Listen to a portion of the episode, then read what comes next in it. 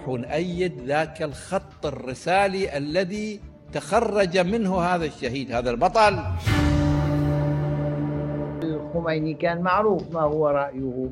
رأيه أنه إذا خير بين الدولة والدين الدين يمكن استعادته الدولة إذا ضاعت لا يمكن استعادتها. ونفتخر بقيادته. وهو أحد رواد الصحوة الإسلامية إعادة الروح. نفتخر بعلاقتنا مع سيد هادي المدرسي. وأنه إذا أراد التطبيق وإقامة حكم الله في الأرض ينبغي أن يقوم هذا الحكم وهذا النظام على وفق ولاية الفقيه.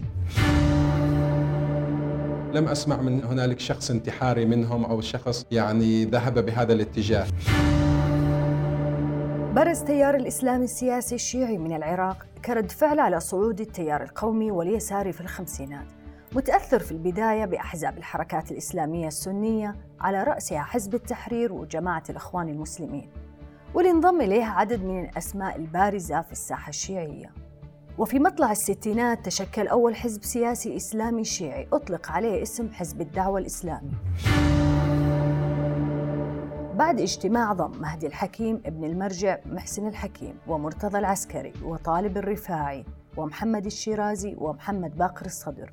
وتأثر الحزب تنظيميا وفكريا بحزب التحرير وجماعة الإخوان المسلمين. لكن على إثر الخلاف على دور المرجعية وعلى مسمى الحزب انسحب السيد محمد الشيرازي وهو العراقي من أصول إيرانية وبدأ العمل بشكل منفرد باتجاه إنشاء تنظيم وحزب سياسي منافس لحزب الدعوة. كتب الشيرازي الذي كان أحد مرجعيات النجف عن ولاية الفقيه مبكرا وذلك في أوائل الستينات وكان من الأوائل ممن أثروا في إحياء الفكرة في العصر الحديث حيث لم تسيس الفكرة عبر تنظيم أو حزب سياسي. وكان سباقا في طرحها التي أثر بها على الخميني نفسه. بدأت العلاقة بين الرجلين بشكل جيد حيث استقبل الشيرازي الخميني لدى وصوله إلى العراق في منتصف الستينات وكان الأول مقيما في كربلاء واستقر الخميني في النجف ودعم الاثنان مشروع خوض الفقيه غمار السياسة. لكن وعلى الرغم من تقاطع الاثنين في الأهداف والأفكار اختلفا وتنافرا في المصالح الشخصية فما بين من أصبح رئيسا للجمهورية الإيرانية الإسلامية وبين آخر يرى بأسبقيته الفقهية التي لم يقدرها الخميني بعد توليه الحكم في إيران. ومن هنا نبدأ حكاية ولادة الإسلام السياسي الشيعي في السعودية متمثلا فيما عرف بالتيار الشيرازي وخط الإمام وما تفرع عنهما منظمة الثورة الإسلامية في الجزيرة العربية وحزب الله الحجاز. أنا هدى الصالح وهذا برنامج جماعات. يرعبهم سيد هذه المدرسي وفخر أن يكون سيد هذه المدرسي هو المرشد الروحي بل هو قائد ونفتخر بقيادته. وهو أحد رواد الصحوة الإسلامية إعادة الروح.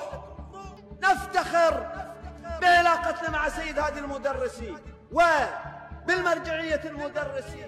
فخر لهذا التيار. أرحب في البداية بضيفي الباحث والكاتب الدكتور رضوان السيد. هلا فيك دكتور رضوان. يا أهلا. ومعنا آه، الأستاذ وزميلنا آه، الأستاذ حسن المصطفى الباحث في جماعة الإسلام السياسي الشيعي. حياك الله معنا في الرياض. مرحبتين يا هلا. إذا تسمح لي أستاذ حسن أبغى أبدأ مع الدكتور رضوان بسؤال. إيش طبيعة علاقة السيد محمد الشيرازي بآية الله الخميني دكتور رضوان؟ لو بإيجاز تعطينا لمحة آه، بسيطة حول هالموضوع. يعني لسنا متأكدين كم كان الشيرازي يعرف الخميني عندما كانا معا في إيران. لكننا متأكدون أن الشيرازي لفت انتباه الجميع بحركتين في العراق.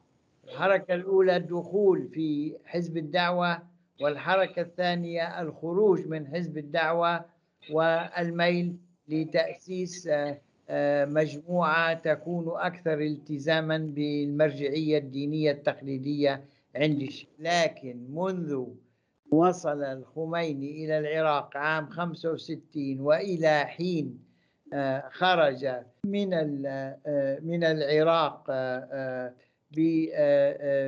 باتجاه فرنسا ما كانت هناك خلافات ظاهرة بينهما. الخلافات ظهرت على عندما وصلت قامت الثورة الإسلامية ووصل الخميني إلى السلطة على شكل الحكم وعلى الدستور وعلى السلوك الجمهورية الإسلامية في آه، سياساتها الخارجية وفهم معنى الأمة ومعنى الجهاد وماذا ينبغي أن يفعلوا.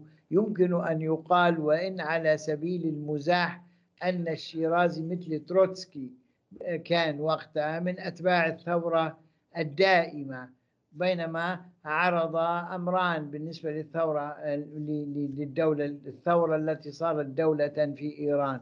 من جهة كان عليها أن تنظم شؤون السلطة بالداخل ثم آه، انهمكت في الحرب مع العراق. ولذلك كانت بقية تكتيكات السياسة الخارجية الإيرانية تميل إلى تهييج كل العوامل عند السن عند الشيعة وعند السنة لمساعدة إيران في حربها مع العراق. فازدادت الخلافات النظرية بينهما إلى أن تبين انفجارها تماما عام 1986 مع آه، آه، آه، مسألة إيران جيت التي يمكن أن نتحدث عنها فيما بعد. أستاذ حسن بالنسبة للسيد محمد الشيرازي آه، هو لما استلم الخميني آه، يعني بعد نجاح الثورة الإيرانية آه، أعطى يعني أن يكون خطيب في الجامع الأهوازي إذا يعني نطقت الاسم يمكن صحيح يعني. ولكن هو شاف إن هذا يعني قلل من قدره وكان يطمح بأن يكون مثلا نائب له في بعد الثورة؟ آه، هي كما أشار الدكتور رضوان السيد أن علاقة الإمام الخميني بآية الله السيد محمد الشيرازي إبان وجودهما في العراق كانت علاقة جيدة جدا خصوصا أن الشيرازي كان من الفقهاء القلائل في تلك الأيام الذين ينخرطوا في العمل السياسي. آه، وكان آه، إقامته في كربلاء وكانت مرجعية النجف في غالبيتها العظمى ضد انخراط الفقهاء في العمل السياسي. حتى المرحوم السيد محمد باقر الصدر عندما أسس حزب الدعوة وكان جزءا منه عاد وانسحب منه تاليا بعد أن تلقى نصائح من عدة رجال دين ومن عدة مرجعيات بعدم الانخراط في هذا في في في الأحزاب أو في العمل السياسي المباشر. عندما انتصرت الثورة في إيران ماجد تسمح لي أنه في هذه النقطة أن كان وجهة النظر عندهم أن يكون هم مرجعية للحزب ولكن ما يكونوا يعني يستلموا قيادة. لكن ما هو بمعنى أنهم يرفضوا العمل السياسي؟ لا غير صحيح هذا الكلام. كان هنالك رفض من مرجعيات النجف في مغلبها العام للعمل السياسي. لكن ليس الشيرازي ولا الشيرازي ليس محسوبا على مرجعية النجف. الشيرازي بالأساس إقامته في كربلاء والشيرازي حتى مرجعية حتى مرجعية النجف في بداياتها لم تكن تعترف باجتهاده وفقاهته فضلا عن مرجعيته. وكان عندما أعلن مرجعيته في تلك الآونة كان يعتبر بمثابة المتمرد على السياق العام.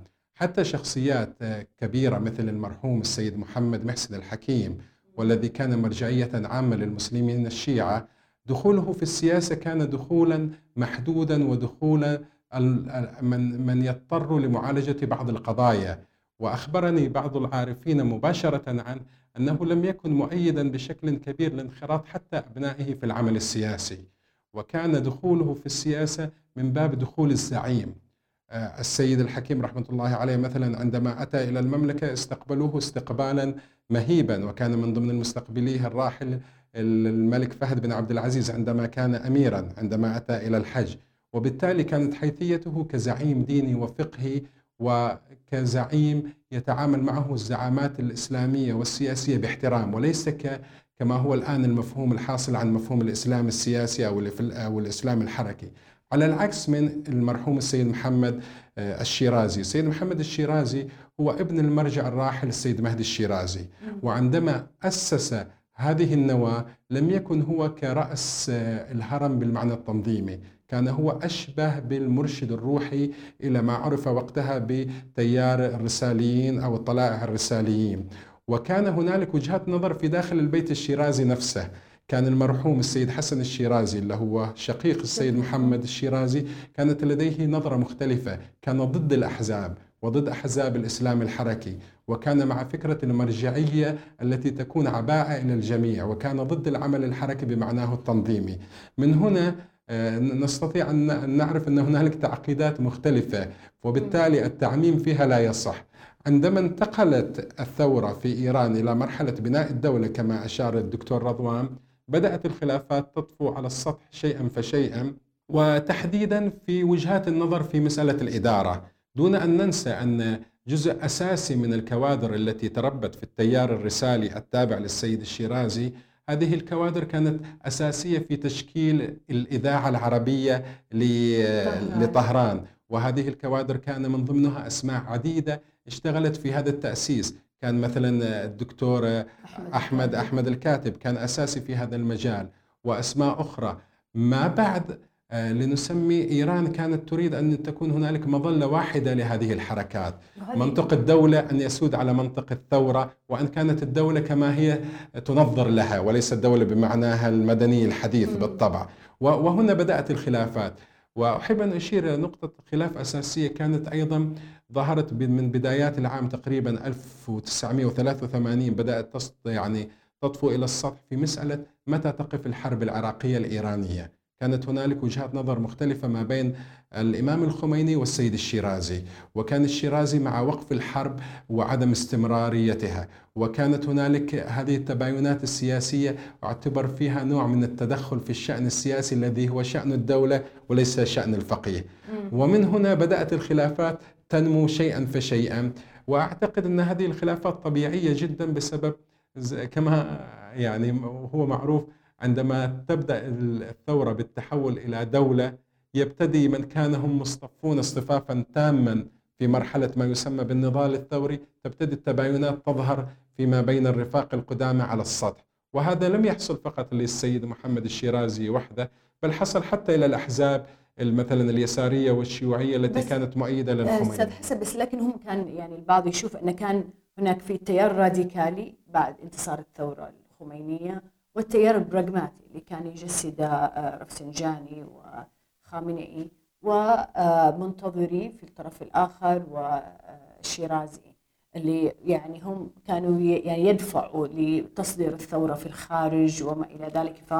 ف وحتى بعد انتصار الثورة الإيرانية الخميني سعى إلى آه، استيعاب الطلائع الرسالية وحتى إنه فتح لهم المعسكرات من المواقع اللي صادرها من يعني من اللي كانت تابعة لنظام الشاه ولأسرته وكذا. فتحها كمعسكرات تدريب لل هي لا يمكن أن نضع منتظري والشيرازي في سلة واحدة. المنتظري خط مختلف تماما عن خط الشيرازي. كان هنالك اللي أسميها وجهات نظر مختلفة فيما كان يعرف وقتها بالحزب الإسلامي الجمهوري. بالحزب الإسلامي الذي كان من أبرز رموزه آه، آية الله بهشتي الذي كان رئيس للمجلس الأعلى للقضاء والسيد الخمنائي الذي أصبح تاليا مرشد إلى الثورة ومجموعة مختلفة. التباينات التي تشير إليها ما بين التيارين الذي عرف تاليا بالبرغماتي والتيار الأكثر تشددا هذه ظهرت في السنوات بشكل أوضح في السنوات اللي أسميها آه، التالية لانتصار الثورة لم تكن من البدايات. آه، البرغماتية التي صارت عند رفسنجاني تجسدت لأقل في آخر خمس سنوات قبل رحيل الخميني. من و وتاليا اختلفت الآية. ال 84 تقريبا. هي هي هي اللي لنقل اشتدت هذه الأمور مع اشتداد الحرب. ومع اشتداد الحرب عندما حدثت المشكلات الاقتصادية وما شابه، كان الكثير يفكر كيف يمكن الخلاص من هذه الحرب، وكيف يمكن إدارة الدولة في الداخل، وبالتالي كان هنالك تيارين أساسيين روحانيون مبارز وروحانية آه، مبارز تقريبا أو مجاهد، نسيت اسمهم بالتحديد بالفارسية، تيار كان فيه السيد الخامنائي وكان فيه الشيخ هاشم رفسنجاني ومجموعة أخرى. وتيار كان فيه آه، خامنئي ومير حسين موسوي ومجموعة آه، أخرى كذلك. فيما بعد التيار الذي كان متشدد الذي فيه آية الله محتشمي ومير حسين موسوي والبقية ومحمد خاتمي أصبح هذا التيار ما, ما عرف تاليا بالتيار الإصلاحي. فيما إيه. التيار الذي كان يعتبر تيارا برغماتيا أصبح هو التيار المحافظ. تبادل أدوار يعني. ليس تبادل أدوار هي آه، مراجعات ومواقف سياسية وتراكمات في الخبرة. ليس صحيح ابدا أنها تبادل أدوار هي مراجعات حصلت لهذه التيارات والدليل أن رفسنجاني بقي في منطقة مختلفة عنها عن التيارين. بقي فيما يسمى بالتيار المعتدل وإن لم يكن تيارا بالمعنى التنظيمي. وهذه تفرعات يعني دقيقة جدا داخل مظلة الثورة نفسها. يعني هم في النهاية يظلوا أبناء الثورة. في النهاية هم من يختلفوا بالتفاصيل لكن في المشروع النهائي هو واحد بالنسبة بالنسبة لهم المشروع النهائي واحد ولكن كذلك حتى في السياسة الخارجية يختلفون كثيرا. يعني السياسة الخارجية التي كان ينظر لها آه، مثلا رفسنجاني تختلف تماما عن السياسة الخارجية التي كان ينظر لها أحمد نجيب طب إذا تسمح لي أستاذ رضوان عندك أي تعقيب على الكلام؟ نعم أنا عندي تعقيب وكلامه. آه، للأستاذ حسن مصطفى صحيح آه، مبدئيا. أنا آه، أركز على تأثير الحرب وتأثير بناء الدولة على الاختلافات. وطبعا لم تكن تبادل ادوار كانت اختلافات حقيقية. وكان كانت إيران تواجه خطر الهزيمة. و و و وكان الخميني معارض لوقف إطلاق النار. ولذلك لم يمانع في الاتصال بإسرائيل وبأمريكا من أجل آه، آه، دعم الحرب. وعندما فشلت هذه المحاولة آه، نعم مضى ساعتها باتجاه رفسنجاني والتوقيع على وقف إطلاق النار أو القرار 588 الذي أقوله الذي أقوله هنا أنه كانت 86 إيران جيت و كشف آه، مهدي هاشمي لإيران جيت لمجلة الشراع وانتشار المسألة في العالم كله كانت لحظة فاصلة ليس بالمعنى الأيديولوجي بالمعنى السياسي. أنا لا أقول أن منتظري كان متواصلا مع جماعة الشيرازي لا. أنا أقول أن آه، الخمينية خمينية الدولة ميزت نفسها عن الطرفين. آه، آه، الطرف الراديكالي ضد أمريكا وإسرائيل بأي ثمن والطرف الآخر طرف منتظري اللي كان مهتم بمسائل يرى الخميني أنه ليست لها أولوية مسألة الحرية واحترام الحياة الإنسانية والتفكير بمستقبل الشعب الإيراني وحبه للثورة وكيف يبقى الجمهور مع الثورة إذا كانت آه، ثورة تقتل بلا هوادة. هذان التياران قصف قسم ظهرهما آه، آه، وأبعدهما عن الدولة والخميني كان معروف ما هو رأيه. رأيه أنه إذا خير بين الدولة والدين الدين يمكن استعادته الدولة إذا ضاعت لا يمكن استعادتها. ولذلك نعم قضى بالانتصار للدولة على كل اعتبار آخر. فذهب آه، منتظري آه، ذهابا مريعا وأعدم مهدي هاشمي آه، لأنه اعتبر خائنا لكشف أسرار الحكومة الإيرانية في الاتصال بأمريكا وبإسرائيل. وجماعة الشيرازي والمتشددين الآخرين أيضا أيضا طبعا أزيلوا بالقوة والتهم بأنه مثل مجاهدي خلق وما سابه. الذي أريد أن ألاحظه أنه أنه حتى آه، جماعة خط الإمام الجزء المعتدل منهم مثل خاتمي وكذا كمان ما كانوا متفقين آه، مع رفسنجاني وتياره واضح أن رفسنجاني كان يخطط للوصول إلى السلطة بعد الخميني ولذلك عمليا عاد الجميع. كان يتظاهر بالتطرف في مسائل الحرب وفي الوقت النفس وقت نفسه. كل يعمل كل الألعاب الممكنة وغير الممكنة ويختار من يعاونه في آه، خلافة آه، الخميني. فكما فكرة الدولة وفكرة ومسألة الحرب مع العراق يعني هذان الأمران هما اللذان في نحن نتجه إلى وفاة الخميني أواخر الثمانينات كان الأمر قد حسم بالنسبة لهما السياسة تجاه العراق وتجاه العرب من جهة ومن جهة أخرى آه، مسألة المهادنة الدولية عسى أن تفتح آفاقا لإيران من جديد. وثلاثة طريقة آه، آه، بناء الدولة والحرس الثوري مؤسسات التي طبعا عادت سياساتها فتحولت بعد رفسنجاني وبعد خاتمي عادت فتحولت ولكنها كانت تتجه إلى أن تكون آه، آه، دولة عادية داخلية متماسكة منفتحة آه، على العالم بعد أن تبين لهم أنهم حتى بدون أمريكا وإسرائيل ما كانوا يستطيعون الصمود في وجه العراق. إنما الذي أقوله أنه عام 1986 بإعدام مهدي هاشمي كان كان هذا الوحدة الأيديولوجية العامة من حول ولاية الفقيه وأكثر من حول الثورة الإيرانية قد تحطمت. انتهج السيد محمد الشيرازي طوال فترة الستينات نشاطه الدعوي بالمحاضرات والخطب وتأليف الكتب اللي خط فيها تنظير السياسي واللي بدأ من خلاله في جذب واستقطاب عدد كبير من الشباب. حتى استأذنوه في إنشاء حركة سياسية تقوم على أدبياته وأفكاره فأعطاه مباركته ورفض أن يكون قائدا لها. مفضل الابتعاد عن الدخول المباشر مع تقديم الدعم. وأن يكون غطاء مرجعيا عاما لها واختار لهم ابن أخته السيد محمد تقي المدرسي ليكون زعيما للحركة الجديدة فكان تشكيل حركة الطلائع الرسالية عام 1967 في مدينة كربلاء العراقية بقيادة المدرسي ومبارك الشيرازي ركزت حركة الطلائع الرسالية في مرحلتها السرية والتي امتدت من تاريخ تأسيسها وحتى العام 1979 على فكرة شمولية الدين لكافة مناحي الحياة وعدم اقتصاره على أداء العبادات. وكما تأثرت بأفكار علي شريعتي بشأن مفهوم انتظار الإمام المهدي. استلهمت أيضا من أدبيات الإخوان المسلمين وتحديدا أفكار سيد قطب حول الجاهلية والحاكمية. وكذلك الباكستاني أبو الأعلى المودودي. واصطبغ مصطلح الرسالية بالحالة السياسية والثورية البحتة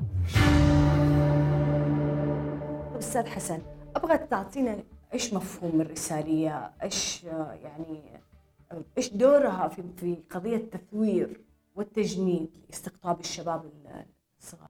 هي في البداية لم تكن لها علاقة بمسألة التجنيد أو التدريب كما هي عليه الآن.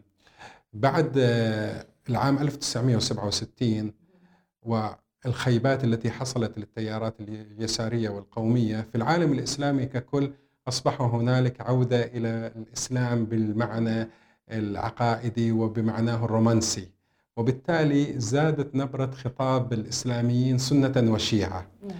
ورفع شعار أن الإسلام هو الحل والإسلام هو المنقذ.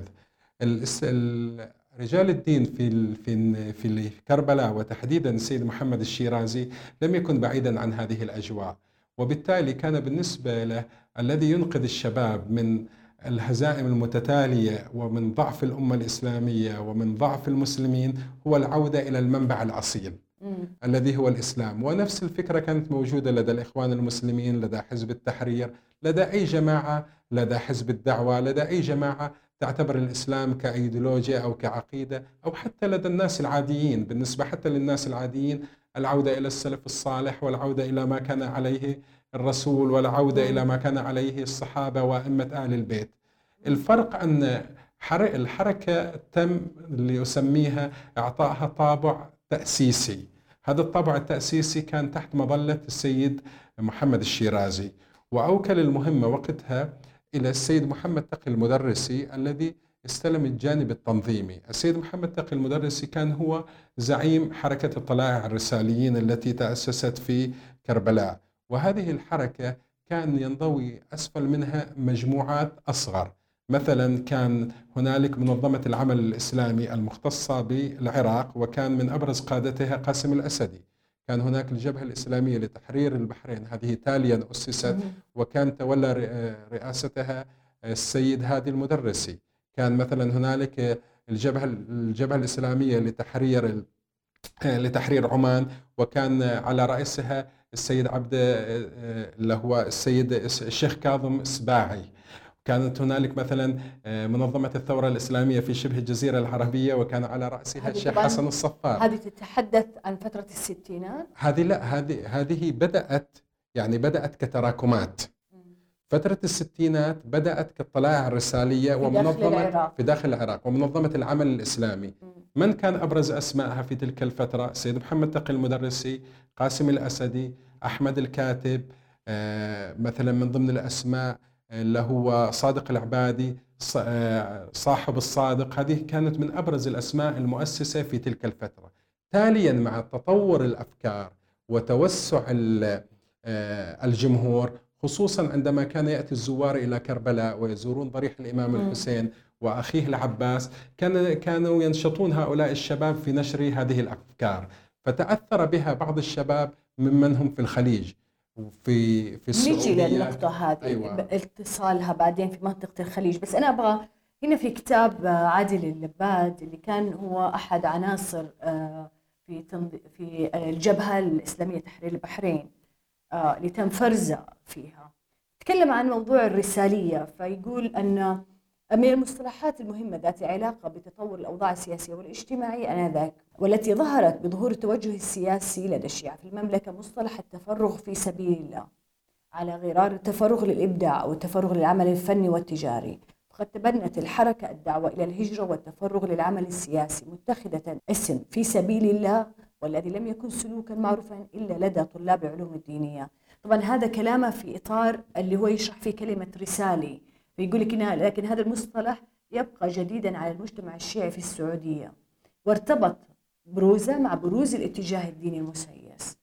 آه، شيء طبيعي أن يكون امرا جديدا لسبب. أن المجتمع الشيعي في السعودية كان مجتمعا يتعاطى الدين بطريقة طبيعية بمعنى أنه كان يمارس فرائضه يذهب لممارسة الشعائر في الحسينيات يذهب للصلاة في المساجد يقيم مناسبات ال البيت سواء التعزية أو الأفراح وبالتالي لم تكن هنالك ما يشبه ما يسمى الآن بحركية الدين أو حركية مم. الإسلام. حتى من كانت لديهم بعض الأفكار المتأثرة بنوع من التجديد في الخطاب الإسلامي كانوا يقيموا احتفالات في المناسبات العامة. بمعنى أن عوض أن يكون هنالك مجرد خطيب يعتلي المنبر كانوا يقيمون حفلا فيه شخص يلقي كلمة شع... كلمة هنالك شاعر يلقي قصيدة هنالك أشبه بالاحتفال المصغر. فلم تكن هنالك هذه ال- ال- الرساليه التي فيها نوع من الرسولية لو اسميها الرسالية أتية من الرسول. نعم لكن في, النهاية هي هو يتحول الفرد إنه هو يعني مجرد يعني يفدي نفسه وين ما يقولوا له بي يعني بيذهب بي عنده رسالة فهو مكف يعني مكلف في تبليغها مهما طلبوا منه يعني. هذا النوع يعني أشبه بانتحاريين مثلا. لا- لا- لم يصلوا لهذه النتيجة. يعني في جماعة ال- تحديدا من كان يتكلم عنهم عادل اللباد اللي هم منظمة الثورة الإسلامية في شبه الجزيرة العربية والتي تحولت لاحقا إلى الحركية الإصلاحية. على الأقل أنا متابع لهم بشكل دقيق. لم أسمع من هنالك شخص انتحاري منهم أو شخص يعني ذهب بهذا الاتجاه. صحيح هم كان كان هنالك من يخرج خارج السعودية و- وتورطوا في أمر وهو إخراج مجموعة كبير مجموعة من الشباب وحتى الفتيات من دون إذن أسرهم في تلك الفترة. ولكن هذا النوع آه، لم يذهب بعيدا إلى التطرف آه، ال- العنفي ال- الارهابي الذي كان فيه حمل سلاح ضد الدولة أو الذهاب إلى عمليات تفجير. في السعودية أو أنا في أتكلم في؟ السعودية لا تحديدا. نتكلم ب- يعني بشكل عام في التيار الشيرازي التيار الطلائع الرسالية. حتى بشكل عام آه، كل دولة كان لها ظروف مختلفة. مثلا البحرين تورطوا في محاولة انقلابية في البحرين. جبهة تحرير البحرين تورطوا في هذا الأمر. العراق كان وضعها مختلف وبالتالي لا يمكن أن نعمم على التجربة بأجمعها. لكي نكون دقيقين كل تجربة لابد أن تدرس بشكل يعني منفصل. العراق العراق نشرت آه، منظمة العمل الإسلامي أنها ب- يعني تدشينها للعمل العسكري المسلح في أعلنت عنه رسميا في ال 75 لكن هي قالت إنها هي بدأت قبل كذا في التدريب والتجنيد. لذلك بس أكم اسمح لي. تفضلي. إلى عام 86 فحط وضعت إحصائية لعدد عملياتها. بلغت 350 عملية منها محاوله اغتيال طارق عزيز منها آه يعني قتل شباب في الجامعة المستنصرية منها استهداف لذلك أنا أشرت واعيد وأكرر لا يمكن تعميم الحالة العراقية على الحالة السعودية. عراق صدام حسين مختلف تماما عن المملكة العربية لكن السعوديه كان في شباب كان في وقتها شباب خليجيين انضموا لا حتى لو انضموا لها لم يعني يكونوا يعني لا لا لم يكونوا فاعلين ضمن الحالة العراقية. المملكة العربية السعودية ليست نظاما قمعيا دمويا مثل ما كان عليه نظام صدام حسين. وبالتالي الدموية التي كانت في العراق كانت تجابه بدموية مضادة. العنف الذي كان في العراق كان يواجه بعنف. في السعودية الوضع مختلف تماما. انتقل الشيرازي من كربلاء إلى الكويت في عام 1970 هرب من نظام البعث في العراق فاتخذ قرارا بالتوجه إلى الكويت برفقة عدد من أنصاره ومؤيديه وبدأ هناك بتأسيس تياره في الخليج الذي عرف لاحقا بالتيار الشيرازي أو الجماعة الشيرازية حيث أقام حوزة علمية يلقي فيها خطبة ودروسة وهي مدرسة الإمام الأعظم وبنى بقربها جامع كان مقرا لنشاطه في العراق وإيران وبنى لاحقا مدرستين في لبنان وسوريا تستقطب الشباب من الدول الخليجية. وتعددت الانتماءات الوطنية للأفراد الحركيين فباتت تضم الحركة الرسالية بالإضافة إلى العراقيين عناصر من السعودية والبحرين والكويت وبعض من دول الخليج الأخرى وكذلك إيران. وعينت قيادة حركة الطلائع الرسالية مشرفين لها في كل بلد. أبغى أشغل مقطع الله يسلمك يا أستاذ حسن واستاذ رضوان. آه نسمع مع بعض. هذا الشهيد شلون تربى هذا الشهيد ما هي الأفكار التي حملها حتى صار هالشكل رمز اللي العالم يقوم ولا يقعد من أجله؟ نروح ونأيد ذاك الخط الرسالي الذي تخرج منه هذا الشهيد هذا البطل مسؤولية الناس. ليش؟ لأن المدارس مختلفة وكل مدرسة إلها خصائصها وإلها إيجابياتها ولكن بعضها أفضل من بعض. المدرسة اللي تخرج مثل الشهيد النمر هاي المدرسة جدير بنا أن نؤيدها ونبين دورها ونكثر من أمثالها حتى يتخرج مثله في بلادنا. لا يبقى وحده. وهذا الخط هذا الخط ممتد. ولا تعتقدون أن الشهيد واحد. طيب في كتاب الحراك الشيعي في السعودية اللي كتبه بدر إبراهيم ورفيقة آه، كان ذكر أن أن التيار الشيرازي شكل ضمن حركة الطلائع الرسالية مجموعتين مختلفتين. الأولى تقليدية ما كانت ضمن تنظيم حركة الطلائع الرسالية وكانت مهمتها مسائل دعوية وتربوية و آه، يعني تثقيفية. آه، وكان يتولاها شقيق محمد الشيرازي شقيقه حسن الشيرازي اللي اغتيل في لبنان 1980 ومع أخوه الثاني آه، صادق الشيرازي. أما المجموعة الثانية فوصفها كانت حركة ثورية يقودها تقي المدرسي وأخوه هادي وهم أبناء أخت الشيرازي. آه، وكان يقول أنه كان الشيرازي قادر على احتواء التيارين كلهم تحت يعني مرجعيته وتحت مظلته. فودي تحكي لي أستاذ حسن في هو هو السيد محمد الشيرازي كان بالنسبة إلى المجموعتين بمثابة المرشد الروحي إن صح التعبير. كان هو المظلة أو المرجعية الفقهية التي كان يرجع لها آه، الجميع في تلك المرحلة المنضويين تحت آه، مجموعة الطلائع الرساليين أسسها السيد محمد تقي المدرسي.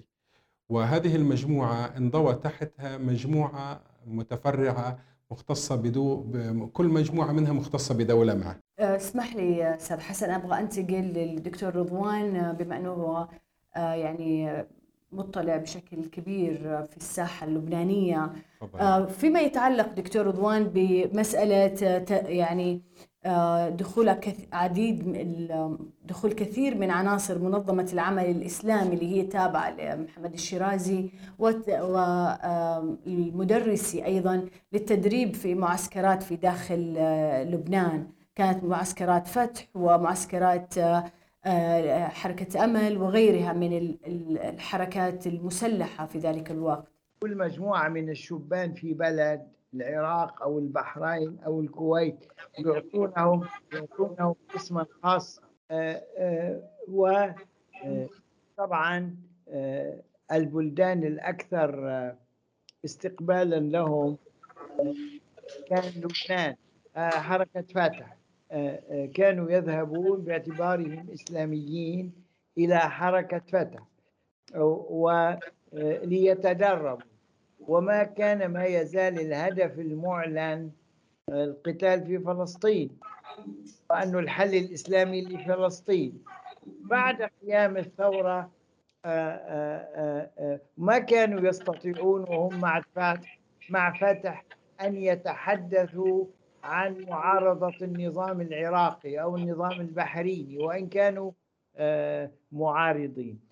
إنما بعد قيام الثورة الإيرانية. نعم. استمرت هذه الأعمال وصارت موجهة لمساعدة إيران في حربها مع العراق.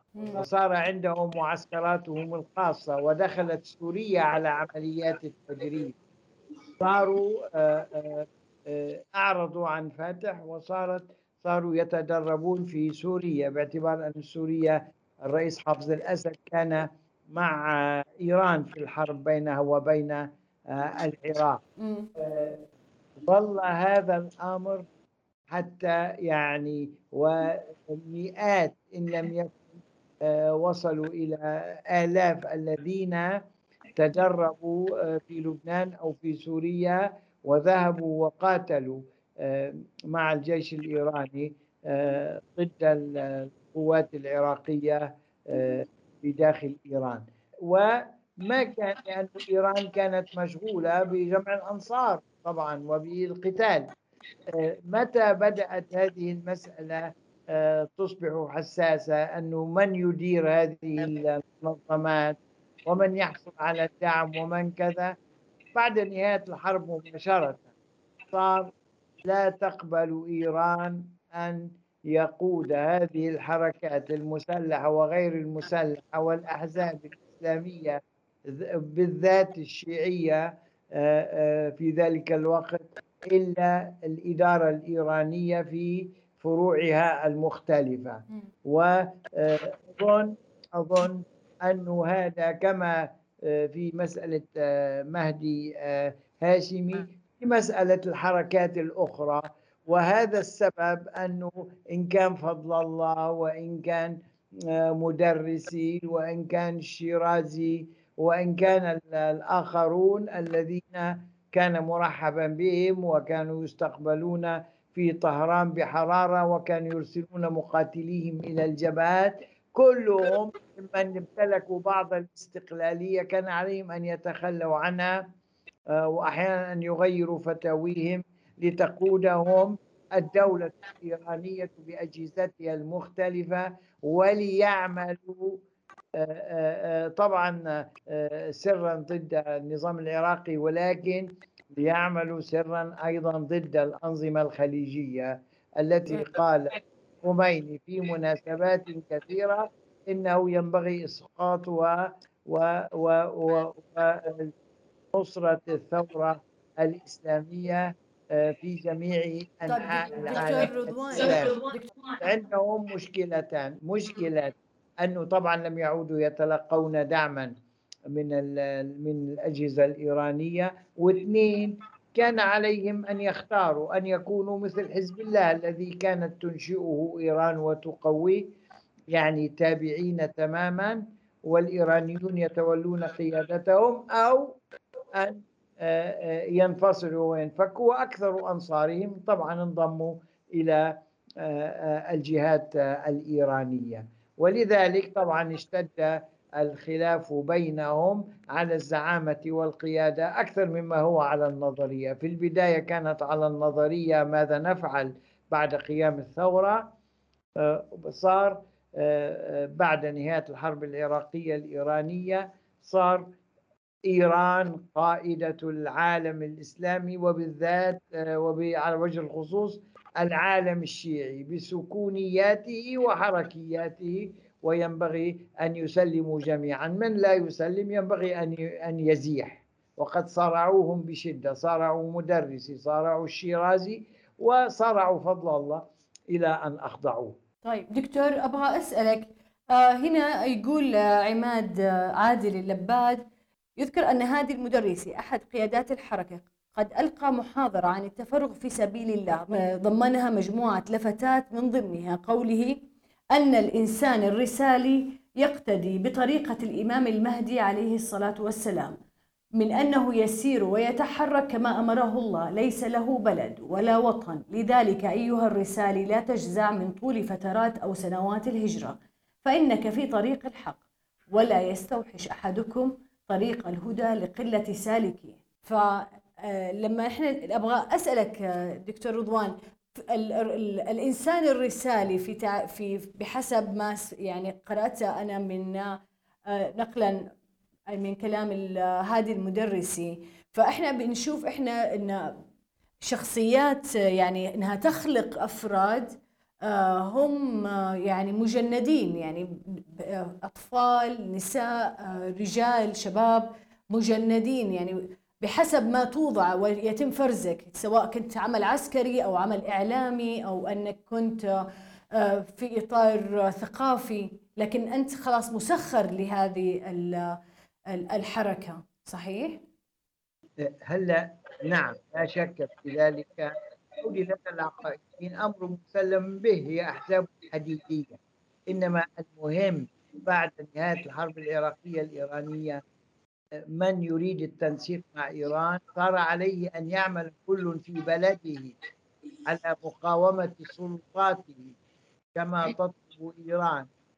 فإن لم يطع يشقون تنظيما ويعملون تنظيما جديدا. أما تحدث عن النواحي العملية ما عاد حدا الآن يريد العمل طبعا في الداخل الإيراني أو ما يشبه ذلك. صار كل كل عليه أن يعمل نشاطه في الدول العربية التي فيها أقليات أو أكثريات شيعية. وعمل سري على مزيد من التنظيم عمل شعبي على مزيد من التنظيم باتجاه إسقاط الأنظمة إلا إذا تهادنت تلك الأنظمة مع إيران وقالت لهم إيران لا توقفوا عن ذلك. هناك بعض الشخصيات التي كانت تشعر بالاستقلالية مثل ذكرت عن فضل الله والمدرسي لم تستطيع الانخراط وإن كانت متشددة ومعارضة للأنظمة لكنها لم تستطيع أن تتناغم لأنه جاءت وقتها فترة هدوء مع رفسنجاني أن تتناغم مع آه، هذه الحالة أو تلك من إيران. فبدت الخلافات كأنها خلافات عقائدية وليست هناك خلافات عقائدية آه، وخصوصا أن أن إيران صارت دولة حقيقية ذات أجهزة سلطوية حقيقية بمعنى أن الأيديولوجيا ضعفت في إيران بعد وفاة الخميني. يعني لا خامنئي كان منظرا كبيرا ولا رفسنجاني مهتما طب اسمح لي دكتور ولذلك, ولذلك هؤلاء العرب الجماعات العربية الشيعية كان عندها منظروها الكبار. أما عمليا فكل جماعتها صاروا يشتغلون عند الأجهزة الإيرانية أو يعتزلون إذا كانوا لا يريدون الشغل بينما بقي العقائديون الكبار خارج إيران يصرخون قليلا أو كثيرا سبع ثمان سنوات حتى سكتوا جميعا. وتأكيدا لمقولة أن الأفكار لا تموت بموت أصحابها الجسدي فقد ظلت أفكار الشيرازي والخميني التثويرية فاعلة لدى جماهيرها ومن أسباب استمرارها بقاء المؤسسات التي ترعاها. وعلى رأسها النظام الإيراني نفسه والمنظمات والهياكل الشيرازية.